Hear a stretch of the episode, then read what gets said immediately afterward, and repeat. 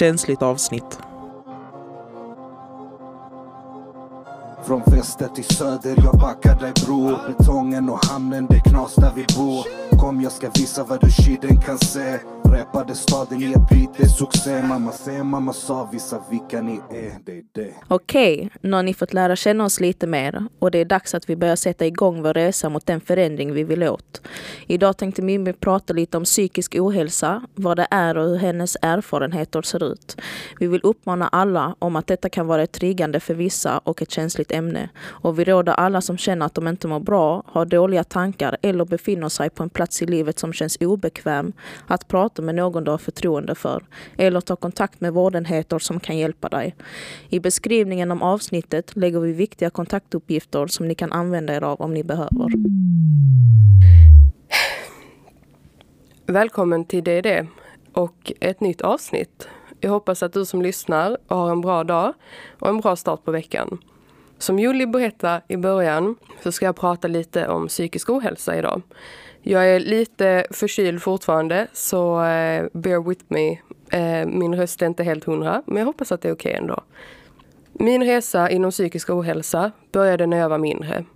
Jag har inte mycket minne från min barndom men av det jag kommer ihåg så hade jag ofta en känsla av att jag inte passade in och var som alla andra. När jag kom upp i åldern runt 12 till 13 så började jag att dala i mitt mående och kände mer och mer att jag gled in i ett svart hål. Ingenting var roligt längre. Jag kände att jag inte passade in i skolan. Jag förstod inte saker likadant som alla andra och jag kände mig ofta ledsen och värdelös. Under denna tiden bråkade jag mycket. Det var mitt sätt att försöka handskas med känslorna jag inte kunde sätta ord på. I och med att jag inte kunde förklara hur jag kände så blev jag frustrerad och kände ofta att jag inte blev sedd eller hörd. Förutom om jag var arg och bråkade. Jag hade gått på en mindre skola, nollan till sexan, där jag ofta fick utstå utstöttning, mobbning och där började min känsla av att inte passa in. Jag tänkte ofta på att jag gjorde fel, att jag skämdes för den jag var och att jag inte hade samma rätt som andra att leva ett bra liv. Känslan av skuld och skam växte över mig och en dag var det som en vattenballong du har fyllt. Du fyller och fyller och fyller och undrar när den ska spricka. Jag kände att jag måste göra någonting för att få den här ballongen att spricka. Här började mitt självskadebeteende. Jag kommer som sagt inte ihåg mycket minnen från min barndom, men just detta minnet har präglat sig in som en kortfilm som spelas framför mina ögon på repeat.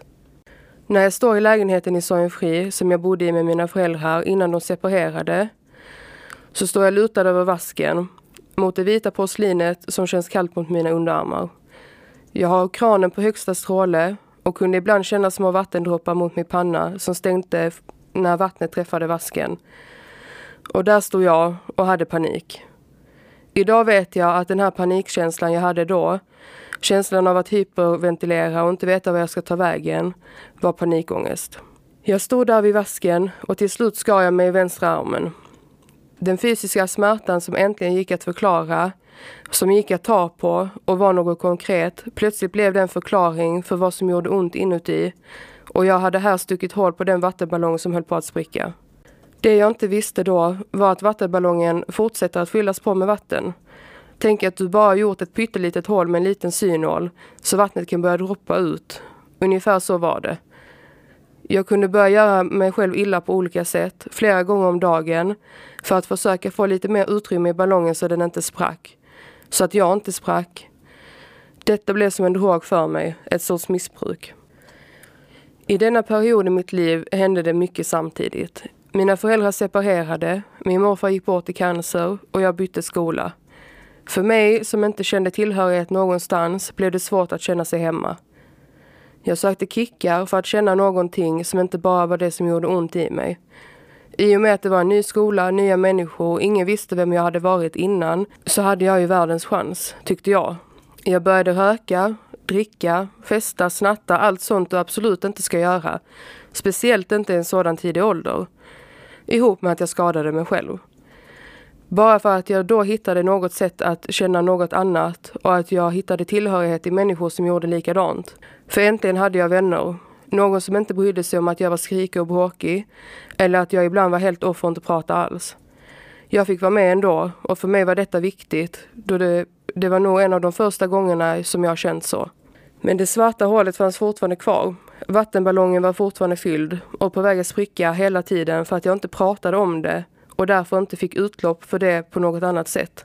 Jag höll alla mina känslor, tankar och rädslor för mig själv och detta växte bara och blev större och tyngre och drog mig längre ner i det svarta hålet. Men jag hade tur. Den nya skolan såg att någonting inte stod rätt till och agerade. Vilket ingen annan hade gjort innan. Inte den gamla skolan trots att de såg att jag skadade mig själv. Trots att det var läskigt, att det inte bara var min hemlighet längre, så var det skönt. En lättnad. Helt plötsligt gick jag från att gå runt som ett spöke till att någon målade i mig med färg. Jag blev sedd och någon brydde sig om mig genuint. Känslan var som att jag burit på en ryggsäck med tusen ton sten och nu kom någon och hjälpte mig att bära. Här började min resa via BUP, barn och ungdomspsykiatrin. Detta är psykiatrienheten för unga under 18. För min del gick jag på BUP vid Mobilia och på den tiden hade de ett stort akvarium i väntrummet som jag gärna satt och stirrade på när jag hade mina besökstider. All personal minns jag som väldigt brydda. Dock har jag alltid haft otur med att jag ofta behövt byta psykologer eller de kontakter som jag har haft på grund av att de har slutat eller av andra anledningar. Här blev jag kvar från att jag var 13 till att jag blev 18. Skolan började bli bättre. Jag hittade ett fantastiskt stöd och otroligt fina vänner där. Speciellt Gustav som än idag är min bästa vän. De andra var vänner för tiden, men då betydde det väldigt mycket för mig. Jag klarade grundskolan och gick ut med bra poäng. Och jag kommer ihåg att på vår avslutningsdag i nian så fick vi våra personliga brev som vi skrivit till oss själva när vi började i sjuan. Jag minns att vi satt ute på skolgården i solen, firade att vi slutade nian och skulle ha sommarlov. Jag hade klänning och bara ben och det var varmt i solen. Alla öppnade sina brev och skrattade åt vad de hade trott att de skulle få för betyg i framtiden. Vad de hoppades på att de hade kommit in på för linje och sånt. Jag öppnade mitt brev och det stod någonting i stil med att jag kommer inte gå ut nian för jag kommer vara död innan dess. Och är jag inte det så fortsätt kämpa. Livet är ett spel, låt inte vinna över dig. För min del blev gymnasiet svårt då man skulle klara sig på egen hand och jag hade fått väldigt bra hjälp under högstadiet och det tog lång tid för mig att anpassa mig till gymnasiet om jag ens gjorde det. Här behövde man ha diagnoser för att få extra hjälp, eh, vilket jag aldrig hade behövt ha innan och det hade aldrig kommit på tal tidigare. Jag började bråka ännu mer under den här tiden och kände mig väldigt missplacerad och fick gå på möten med rektorn som tyckte att jag skulle hoppa av gymnasiet för att jag inte passade in och att jag var ett problem. Jag hade fortfarande mina problem. Mitt svarta hål och min vattenballong som var fylld till max. Och nu var jag nästan myndig, fick ingen hjälp som innan och upplevde situationen väldigt skrämmande och problematisk. Jag fick en ADHD-diagnos när jag fyllde 18. Jag tror till och med att det var på dagen att jag fyllde 18. Det här blev även min sista kontakt med BUP. Vad skulle jag nu göra? Överflyttningen från BUP till vuxenpsykiatrin tog nästan ett år om inte mer. Detta för mig är oförståeligt. Att vi lever i ett land med så hög statistik på psykisk ohälsa bland unga, men inga resurser läggs ner på vården, speciellt för unga.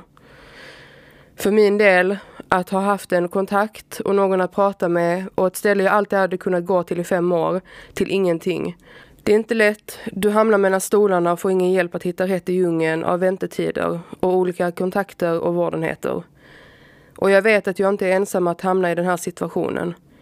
Dessutom hamnade jag på en vårdenhet som jag inte alls tyckte om. Det var oförstående personal som ofta hade ett dåligt bemötande och jag krånglade länge med att hitta rätt. Och jag har länge ifrågasatt hur den vårdenheten fortfarande är igång. Idag har jag en privat vårdenhet som jag trivs väldigt bra med. Detta är en lätt variation av min resa.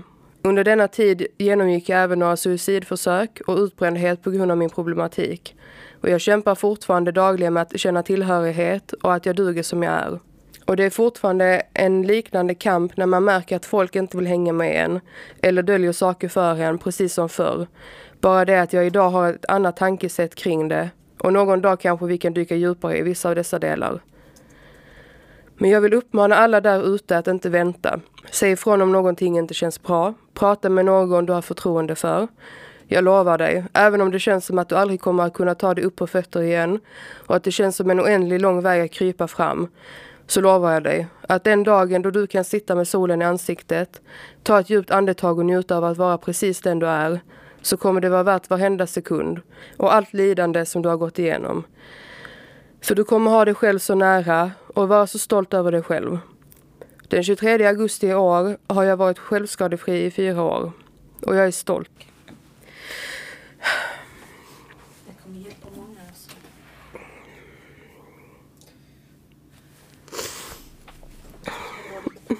Nej. det-